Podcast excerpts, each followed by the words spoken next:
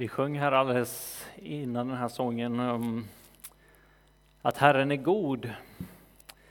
Att du är god, god, god. Och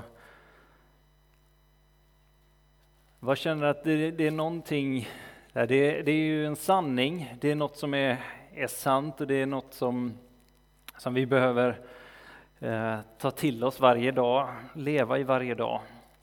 Och Ehm, att, att det finns en inbjudan för oss här och nu att, att leva i det, att, att sjunga det, att be det över, över våra, våra liv, över, över områden i våra liv som, där, vi inte, där vi inte bär det, där vi, inte, där vi kanske inte tror det, där vi inte vi inte säger att det är sant. Så Herre, jag tackar dig för att det är, det är sant att du är god, att, att du är god, att du är alltid god, även om vi kanske inte eh, tror på det, även om vi inte ser det som sant på det här området eller det här området, att vi inte inser din godhet, att vi inte bär det där, men vi Ja, jag proklamerar den sanningen att du är god. Du är den du är. Vi tar emot det, vi tar emot din godhet. Vi vill lita på dig, vi tror på dig. Kom med uppenbarelse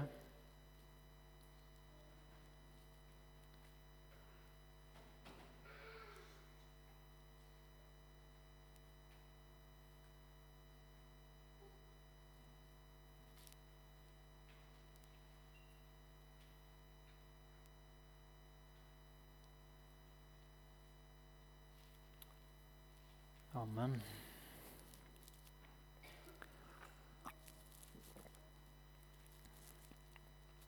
Ordspråksboken 3, vers 57 säger Förtrösta på Herren av hela ditt hjärta.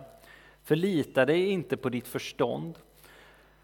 Räkna med honom på alla dina vägar, så ska han jämna dina stigar. När Jesus kliver in i historien. När han vid sitt dop blir smord, fylld av den helige Ande, så visar han sen genom sitt liv vad det innebär att inte förlita sig på sitt förstånd. Säg inte att det är fel på vårt förstånd, att vi inte ska använda vårt förstånd, men att inte primärt förlita oss på det utan att förlita oss på Herren. Han har gett oss ett förstånd, det är gott med ett intellekt, men att Gud har gett oss sin ande, han har gett oss eh, förmågan att förnya vårt förstånd, vårt förstånd, vårt sinne som Paulus talar om, att att ta varje tanke som en lydig fånge. För att följa Herren och leva i den riktning som han talar om. Jesus visar hur det ser ut att vara fullständigt beroende av den Andens ledning. Som Jesus själv säger i Johannes 5, vers 19. Sonen kan inte göra något av sig själv utan bara det han ser Fadern göra. Vad Fadern gör, det gör också Sonen.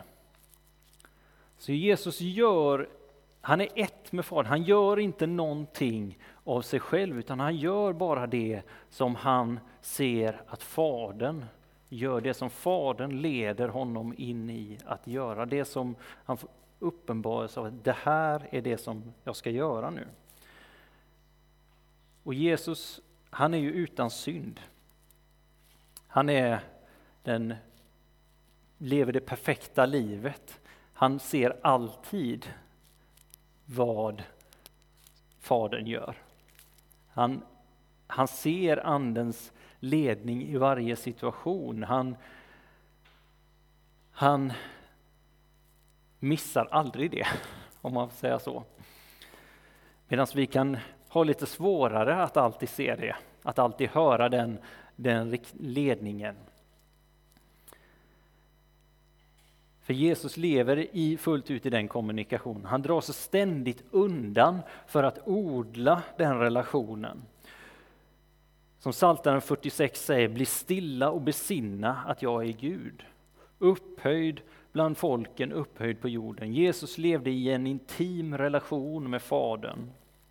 Han var utan synd. Och genom det så visar han hur det ser ut när du förtröstar på Herren av hela ditt hjärta. Ett hjärta som är helt överlåtet på alla områden till Gud. Där han förtröstar på, på Gud på alla vägar. Han räknar med honom i allt han kliver in i, i allt han företar sig, i allt han tänker. Det är svårt att tänka sig det. Men inom varje område i vårt liv. Och Petrus då, som vi läste om i texten här förut, han som Cornelius kallar på. Petrus han var ju en av Jesu närmsta lärjungar. Han var en som fick följa eh, Jesus genom hela hans gärning, genom hela hans eh, tjänst.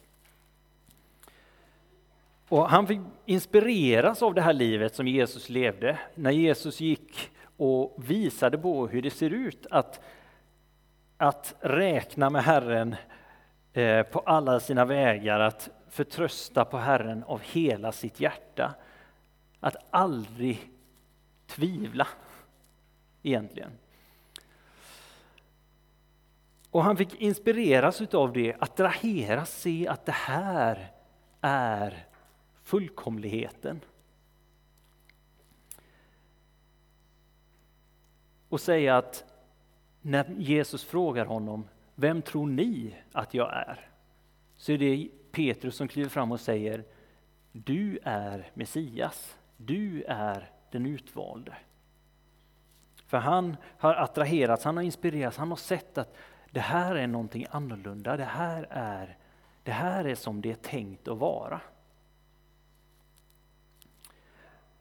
Det inspirerar honom så mycket att han lämnar allt för Jesus och vill bli precis som Jesus, bli precis som sin mästare. Gå den vägen och säga, ja, nu lägger jag allt bakom mig, jag går, jag går med dig. Men det utmanar honom också så oerhört mycket. Och Petrus är ju den som när Jesus börjar tala om att han ska gå till Jerusalem och att han måste dö, han måste lida, han måste dö, så är det Petrus som kliver fram och säger nu har du nog fattat fel här. Det kan inte hända dig, det kan inte hända dig som är allt det här.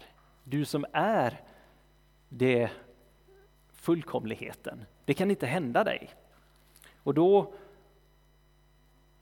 för er som har läst de här berättelserna och hört det, vet att då kliver Jesus fram och ledd av anden säger till Petrus, eller säger till Satan, gå bort ifrån mig, Satan och tillrättavisa Petrus. För att han, han i det läget följer inte den helige Andes ledning när han försöker tillrättavisa Jesus. Och Jesus, när han lever sitt liv, han korsar gränser, han eh, bryter igenom barriärer i den kultur, i den, eh, den tid han lever i. Han, han eh, går över han bryter lagar i den traditionen, den judiska traditionen. Hela tiden så utmanar han kulturen och krafterna som råder just då. Och han kommer med Guds rike och sätter människor fria från fångenskapen som binder dem. Han kliver in där och ser individer, han ser det som råder och han kommer med någonting annat och han, han bryr sig inte om vad det är vad det är som kommer hända med honom. Men han, han ser att här leder, här leder Fadern mig in i, i den här situationen och jag kliver in i det med, med frihet, med frälsning, med upprättelse. Ljuset kliver in i mörkret och jag följ, kliver in i det. Och det bryts upp, det skingras. Och vare sig det är fysiskt, psykiskt eller andligt så kommer han med den, den friheten. Och det, ofta så hänger det ihop, de här sakerna, det fysiska, det psykiska, det andliga. Men han, han kliver in och sätter människor fria. Och Petrus ser allt det här. Han ser det som, som händer. Han, eh, han får följa med, han får leva i, utmanas av och formas i den här atmosfären kring Jesus, den här Gudsrikes kulturen, det som, som Jesus kommer, det nya som han för in i världen. Och han sänds av Jesus, läser vi om i evangelierna, att bereda vägen för Jesus. Att gå ut med den kulturen som Jesus kommer med. Och bereda vägen för där Jesus ska komma efter honom. Och sen i början av apostlagärningarna så, och i slutet av evangelierna så, så säger Jesus, ni ska gå ut och göra detta nu, när jag lämnar. Så ska ni gå ut och vara mina vittnen. Ni ska gå ut och, och, och bära mitt verk vidare i den här världen. Ni ska vara min kropp här på jorden. Jesus sänder dem att korsa gränser, att gå till dem som inte är okej okay att gå till.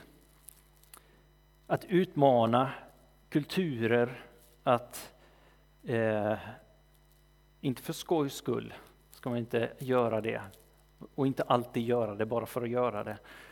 Men att utmana kultur och krafter som råder och proklamera att Guds rike är här, kungen har kommit.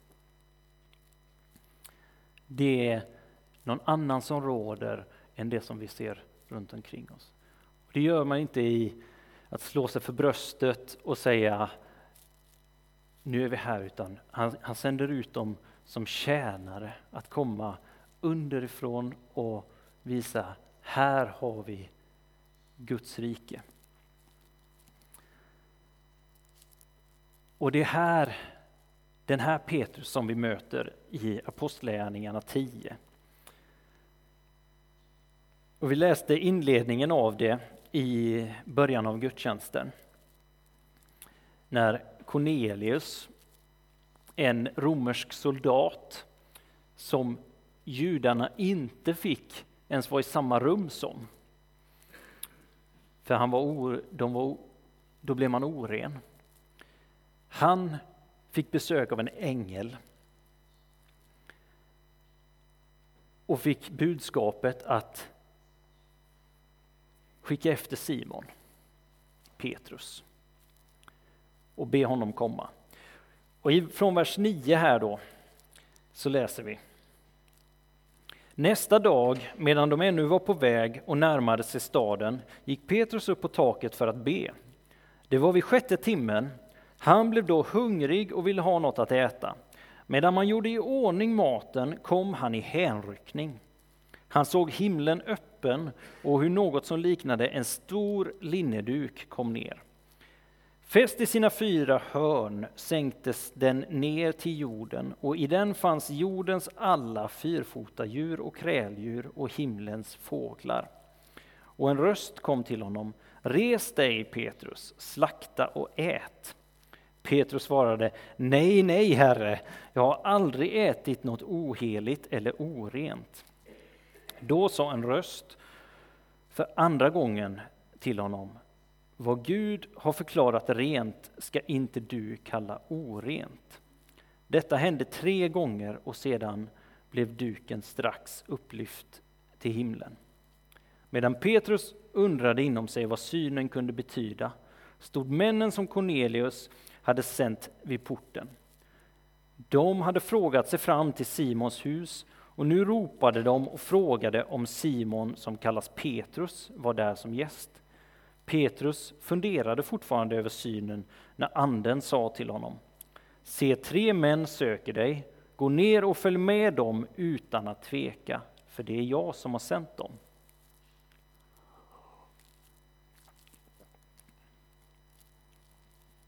Och här har vi Petrus som har varit med och fått vara med om pingstdagen, som har fått se både förföljelse och kyrkans tidiga framväxt här och hur de skingrats ut och han har kommit till Joppe här där han befinner sig. Och han bor i ett hus hos en som kallas garvaren Simon. Och det är en, eh, då en som jobbar med djurhudar. Och det innebär ju att han är också en som i judarnas ögon är oren. Han är en som Petrus, om han bor hos honom så, så blir han oren, om han umgås med honom så blir han oren. Så Petrus, de, i de tidigare kapitlen här så har vi upptäckt att kyrkan har på något sätt brottats med den här frågan redan. De har upptäckt att ja men, samarierna, de, de får ju den helige Ande också. Och här bor Petrus hos garvaren som han inte då bryr sig om att han, han blir oren. Men det är en, det är en brottningskamp som, som kyrkan är och han har, han har fått leva livet med Jesus där han ser att Jesus, han går in till dem som inte är okej okay att gå in till. Han går till, till kvinnorna, till de prostituerade, till, till eh, de sjuka, de med spetälska som man absolut inte får vara nära och han rör vid dem. Han går, han går till dem som eh, inte är judar, han går in på hedna områden. Och han gör det som man inte får göra. Och Petrus han har levt i det, han har utmanats av det, han har brottats med det. Och här så bor han hemma hos Simon, garvaren. Han följer Jesu exempel och går dit som inte är politiskt korrekt. Det som inte är okej. Okay. Och, han, och han finns där. Han utmanar den judiska kulturen. Den, den tidiga kyrkan gör det. Och så får han den här synen. Och han Gud säger till honom slakta och ät och de här orena djuren blandas med de rena djuren.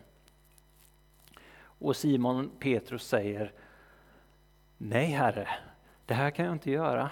Jag är en trogen jude. Jag kan inte ta det här, jag har aldrig gjort det i hela mitt liv. Jag har levt ett fromt liv.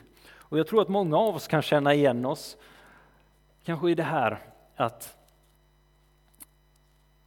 jag har, jag har levt mitt liv på det här sättet. Jag har, jag har levt i den här, den här strukturen, den här formen, det här sättet. Jag har försökt och, och så kanske Gud på något sätt bryter in och säger har du, har du sett det här? Har du tänkt på det här? Har du, har du prövat detta i ditt liv? Och Antingen han kanske gör det genom en människa, genom en, ett tilltal, genom, en, eh, genom någonting som händer. Och, och man står där och bara, vad är det som, vad gör jag, vad gör jag med det här? Och Petrus han, han sitter där och det står att han funderar över vad betyder den här synen? Vad betyder det som händer? Och medan det händer så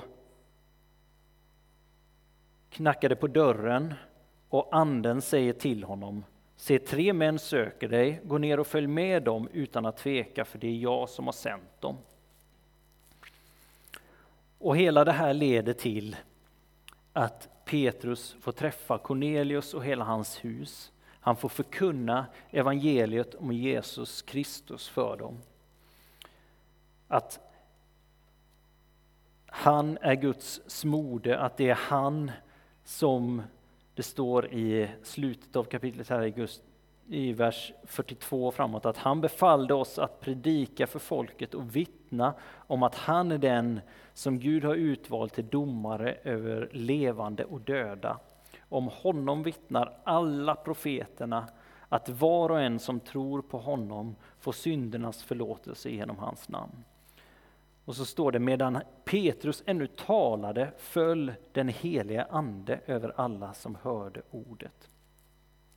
Så när Petrus agerar på det som Herren talar till honom, det som, det som uppenbaras för honom och han kliver in i det, så öppnas möjligheten för honom att dela evangeliet med dem, dela sanningen om Jesus Kristus och vem han är och vad han har blivit befalld att, eh, att vittna om.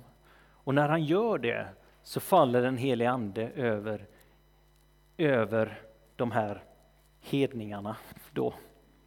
De som han betraktade som orena, som han och kulturen sa att de här får jag inte ens vara i samma rum som.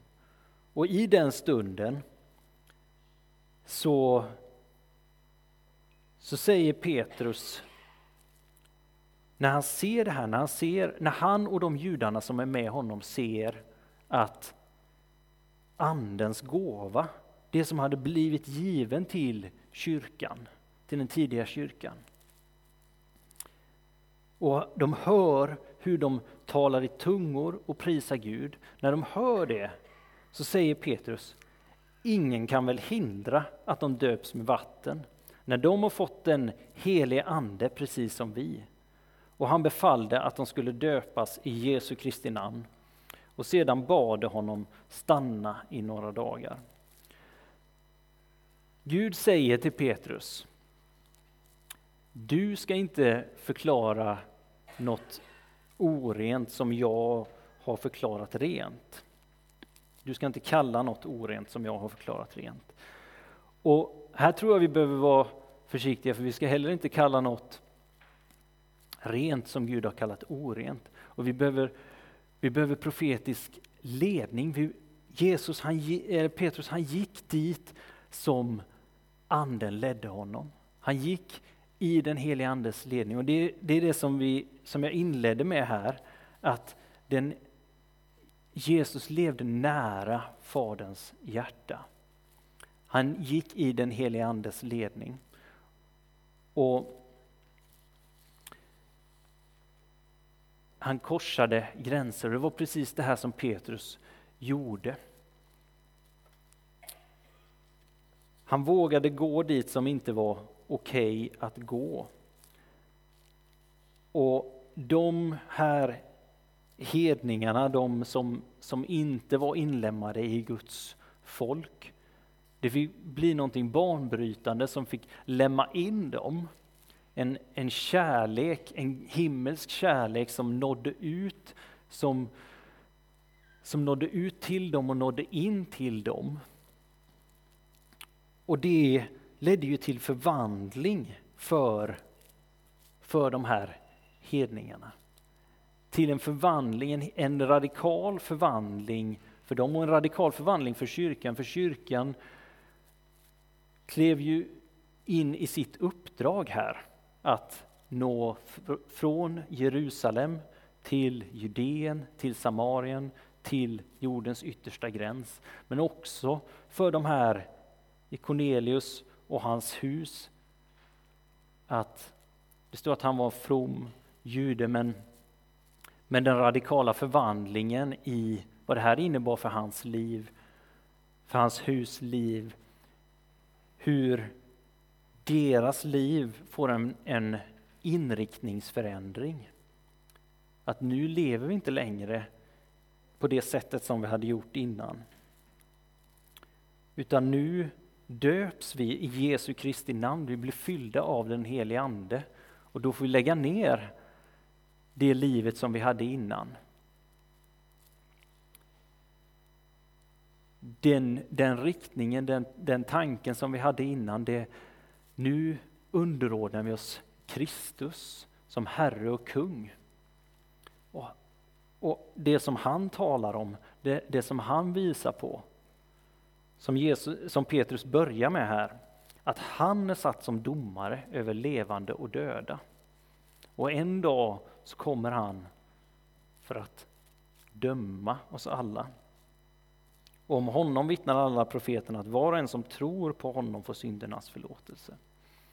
När vi, när vi får ta ja, när, vi, när vi tror på honom så får vi syndernas förlåtelse. Då får vi följa honom som vi börjar med att få lita på honom av hela vårt hjärta. Och, och det är det som, som Cornelius och hans hus får kliva in i. Resan att lämna över hela vårt hjärta. Vi lämnar över hela vårt hjärta men helgelseprocessen, att steg för steg lägga ner hjärtat igen och igen och få se hur bit för bit får bli mer som, som Jesu hjärta och formas efter hans vilja.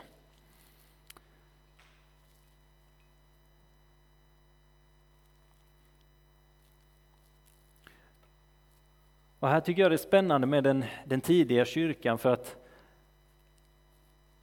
Petrus befinner sig i Joppe.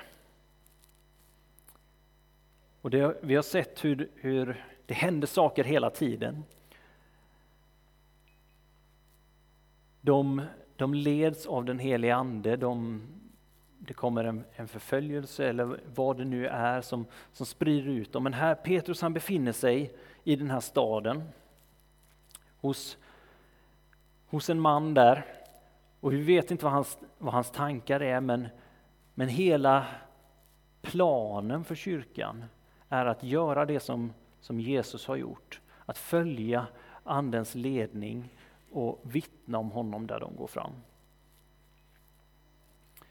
Och Det är frestande för oss att göra våra planeringar som skapar trygghet. Att eh, eh, bygga strukturer som, som skapar trygghet för oss. Och jag, menar att, jag säger inte att det är fel att, att planera saker och ting, det, det, kan vi behöva göra, men, men vart leder Anden oss? Vart leder Anden mig? Vad, vad talar han om för den kommande tiden? Vad talar han idag? Vad vill han säga till mig den här stunden? Och hur, vad utmanar han mig i? Vad utmanar han vår tid i? Vad utmanar han vår församling i?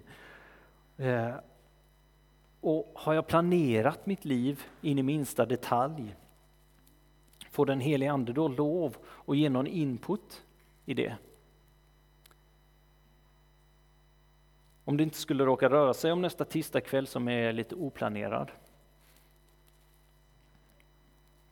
Petrus och apostlarna lägger inte upp en plan för hur de ska genomföra det som, som Jesus har gett dem i uppdrag att göra. De har inte en femårsplan som, om hur de ska nå jordens yttersta gräns. Så att första året så fokuserar vi på Jerusalem och planerar, planterar några husförsamlingar där. Och sen så tar vi de ledarna och skickar till, till eh, Judeen där de får ta med sig och plantera församlingar och så eh, tredje året så blir det Samarien och så sen fjärde året så är det då jordens yttersta gräns. Utan det och nu, nu blir det lite raljerande för jag tror, jag tror på strategier och jag tror på planer. Jag tror att sånt är bra och jag tror absolut på att plantera församlingar och, och ha tankar kring sådana saker. Jag tror att Gud ger sådana tankar. Så att jag tror inte att det behöver bli det ena eller det andra.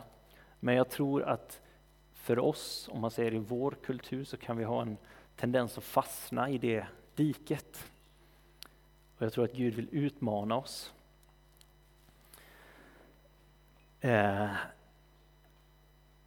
och, då, och att han vill föra oss mer in i den dynamiska leda, ledningen av den helige Ande, där, där vi också kan tillåta när den helige Ande säger någonting, när han utmanar oss, är det okej okay att han ruckar på de planerna som vi har gjort, som vi har tänkt igenom?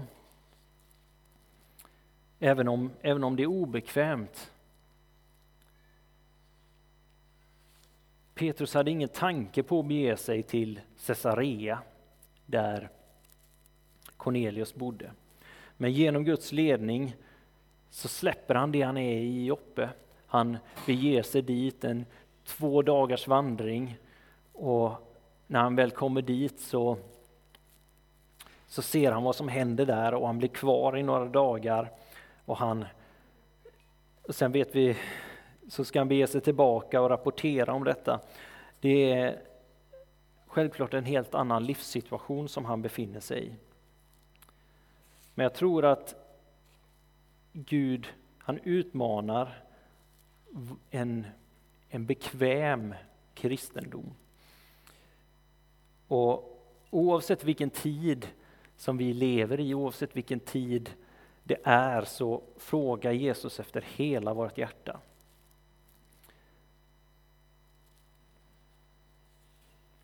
Och som Petrus säger här, att Jesus är den Gud har utvalt till domare över levande och döda. Och Jesus han befallde dem att vittna om det. Det är inte frågan om de tyckte det var det rätta att vittna om eller inte, om det var en bra idé eller inte, utan Jesus befallde dem. Det här ska ni göra. Herren kallar oss till sig att lita på honom och att våga följa, även om vi inte ser vägen, även om vi inte ser vart vägen går. Även om vi bara får ett ord och även om vi bara har lite, lite grann att gå på och vet att okej, okay, men det här är nästa steg. Så säger han, det här är vägen att gå på. Och det som jag tror är det viktiga för oss, det är att det handlar primärt inte om vart, vart vi går, vart han leder oss, utan det handlar om vem vi följer. Att vi, vi får förtrösta på honom på alla våra vägar. Och jag tror att vi går en tid till mötes i, som kyrka i Sverige, som församling och som individer där Gud på ett mycket tydligare sätt kommer eh, rucka på våra planer. Han kommer störa och avbryta våra planeringar liksom, och våra strukturer. Och kanske vissa saker av det här låter eh, kanske lite tufft, men jag tror att kallelsen Jesus kom med till sina lärjungar och till oss idag var att lämna allt och följa honom. Och det handlar inte bara om materiella saker.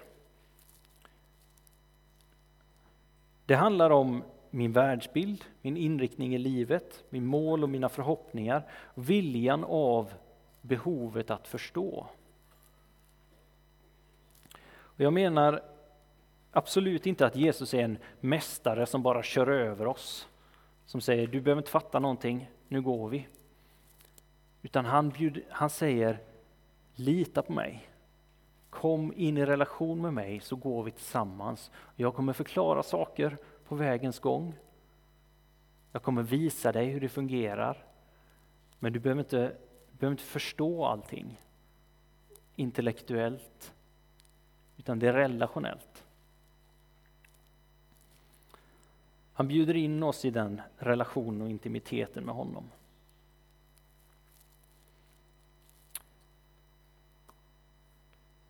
Jag tror både i den här predikan och eh, ganska ofta så, så talar vi om, om det här att, att följa Jesus, att gå dit han går och gör, lämna saker och ting, lägga ner oss, oss själva och, och våra eh, ambitioner om man säger så. Eh, men jag, jag vet själv att jag dras till att välja den trygga vägen. Jag dras till eh, i situationer att, att inte vilja höra den där den rösten som stör mina planer, som stör den, eh, den stabilitet jag har byggt upp i mitt liv. Liksom den eh, i situationen, det som som leder mig ut ur min bekvämlighetszon. Och jag tror att många känner igen sig i det. Även om jag vet av erfarenhet att att han är trofast. Att han bär när jag går dit, att han kommer vara med mig, att det kommer bli till välsignelse för människor. Och vi kan se att det händer även Petrus. Att han som är med om den här situationen, när han får följa anden och öppna för, för Cornelius och för, för hedningarna, det som ofta talas om som hedningarnas pingst. Han, han hamnar senare i situationen där Paulus får tillrättavisa honom för att han drar sig undan från måltidsgemenskapen med, med, eh, med just hedna kristna när, när judar kommer, kommer på besök. Och jag, jag tänker bara på det att vi, vi får ha med oss det att inte att vi gläds åt andras misslyckande, men Men när vi misslyckas så får vi vända om till Jesus. När vi, vi känner vår brist, när vi känner det så, så är det, det är inte hopplöst, utan det är, det är snarare någonting som sporrar oss till Jesus. För han, han är den som har, har gjort det. Han är den som har vunnit seger för din och min skull. Han är den som har gått hela vägen och han har gjort det för oss. Han är den som har öppnat vägen och han har, han har gjort det för, för dig och mig och för hela skapelsen trots våra misslyckanden. Och vi får komma till honom, vända om till honom och be om förlåtelse och ta sikte eh, på nytt igen. Och vi, vi får göra det varje dag. Han begär inte av oss att vi ska leva ett prickfritt liv. Utan han begär att vår längtan ska vara att se honom. Han, han, han drar oss till honom, han kallar oss att ta sikte på honom, att säga gå med mig, gå nära mig. Att vi får leva ett liv i omvändelse. Och att, att lära känna honom, förtrösta på honom. Så som Ordspråksboken säger, förtrösta på Herren av hela ditt hjärta, förlita dig inte på ditt förstånd. Och där tror jag att även det, det gäller så mycket även när mitt förstånd säger att jag inte är värdig det här. Jag är inte värdig att, jag, jag kan inte. Och jag, jag är inte värdig i grund och botten, men Jesus har gjort mig värdig. Och mitt förstånd säger om och om igen det. Så Herre, vi ber, vi ber att du du kommer och, och fyller oss, du kommer och, och tala till oss. Vi ber att vi får lita på dig. Att vi får höra din röst, vi får se vart du går, att vi får eh, älska att följa dig dit du leder.